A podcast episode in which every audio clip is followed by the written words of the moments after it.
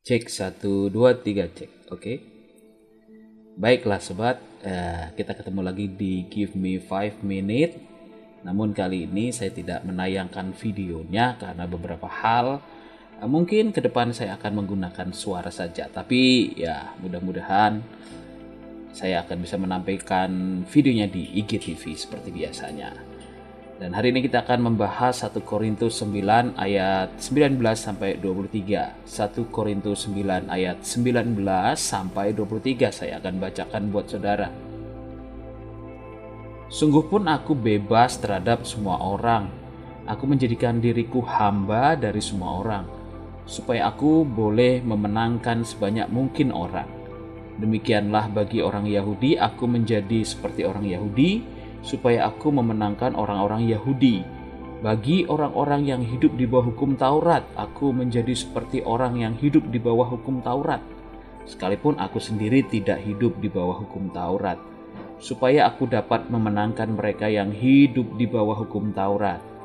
Bagi orang-orang yang tidak hidup di bawah hukum Taurat, aku menjadi seperti orang yang tidak hidup di bawah hukum Taurat, sekalipun aku tidak hidup di luar hukum Allah karena aku hidup di bawah hukum Kristus, supaya aku dapat memenangkan mereka yang tidak hidup di bawah hukum Taurat.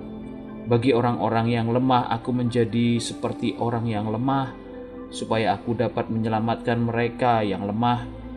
Bagi semua orang, aku telah menjadi segala-galanya, supaya aku sedapat mungkin memenangkan beberapa orang dari antara mereka. Segala sesuatu ini aku lakukan karena Injil supaya aku mendapat bagian dalamnya. Apakah yang kita perbuat dalam kasih karunia? Memberi. Ya, hanya itu selain bersyukur tentunya. Apa yang kita beri? Ya, hidup kita lah ya. Tahukah saudaraku betapa susahnya yang Paulus kerjakan? Bagaimana tidak? Dia seperti orang yang punya banyak kepribadian. Dia bisa jadi apa pun. Betapa susahnya untuk bisa seperti itu. Hati seperti apa yang dia miliki. Dan Paulus mengerjakan semuanya itu dengan satu tujuan, yaitu memenangkan beberapa dari mereka. Ya ampun, pahamkah saudaraku, untuk bisa memenangkan beberapa dari mereka, Paulus harus menjadi hamba semua orang. Saya tidak habis pikir, saudaraku. Bagaimana bisa begitu? Banyak pemberontak hati tidak mudah ditundukkan. Bagaimana mungkin jadi hamba? Malah jadi hamba semua orang. Berarti menurut pemikiran saya bahwa semua orang adalah bos dan saya anak buah begitu kira-kira ketika saya pertama kali membaca ayat ini. Maka bagi saya begitu beratnya yang dihadapi Paulus. Dia punya hak untuk jadi besar karena dia terpelajar, saudara tahu itu. Dia punya kepandaian dan keberanian. Menurut pikiran saya, Paulus adalah orang yang punya wibawa, tersirat dari tulisan-tulisannya tentu. Dia juga punya dia juga orang yang punya pengaruh sehingga bisa berhadapan dengan orang-orang kuat di zamannya dia terpandang di lingkungan Yahudi dan memiliki kewarganegaraan Roma adalah suatu keistimewaan di zaman itu. Namun Paulus memutuskan untuk menjadi hamba semua orang.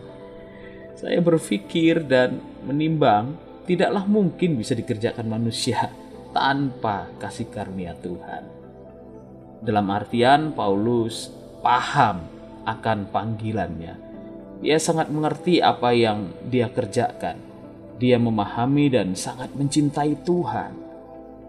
Menurut saya, tanpa kasih karunia Tuhan, bagaimana kita bisa seperti Paulus? Namun, ketika saya merenung dan saya bertanya, mengapa Paulus bisa dan banyak anak-anak Tuhan tidak? Mengapa melayani bagi Paulus adalah sebuah kegembiraan, sedangkan banyak anak-anak Tuhan merasa bahwa melayani adalah beban? Apa sebenarnya yang terdapat di dalam pikiran Paulus? Atau pertanyaannya jika dibalik, apa sebenarnya yang ada dalam pemikiran kita? Paulus bukan Kristus. Paulus itu manusia sesungguhnya. dan Paulus bisa. Oh, apakah karena Paulus ditunjuk sebagai rasul?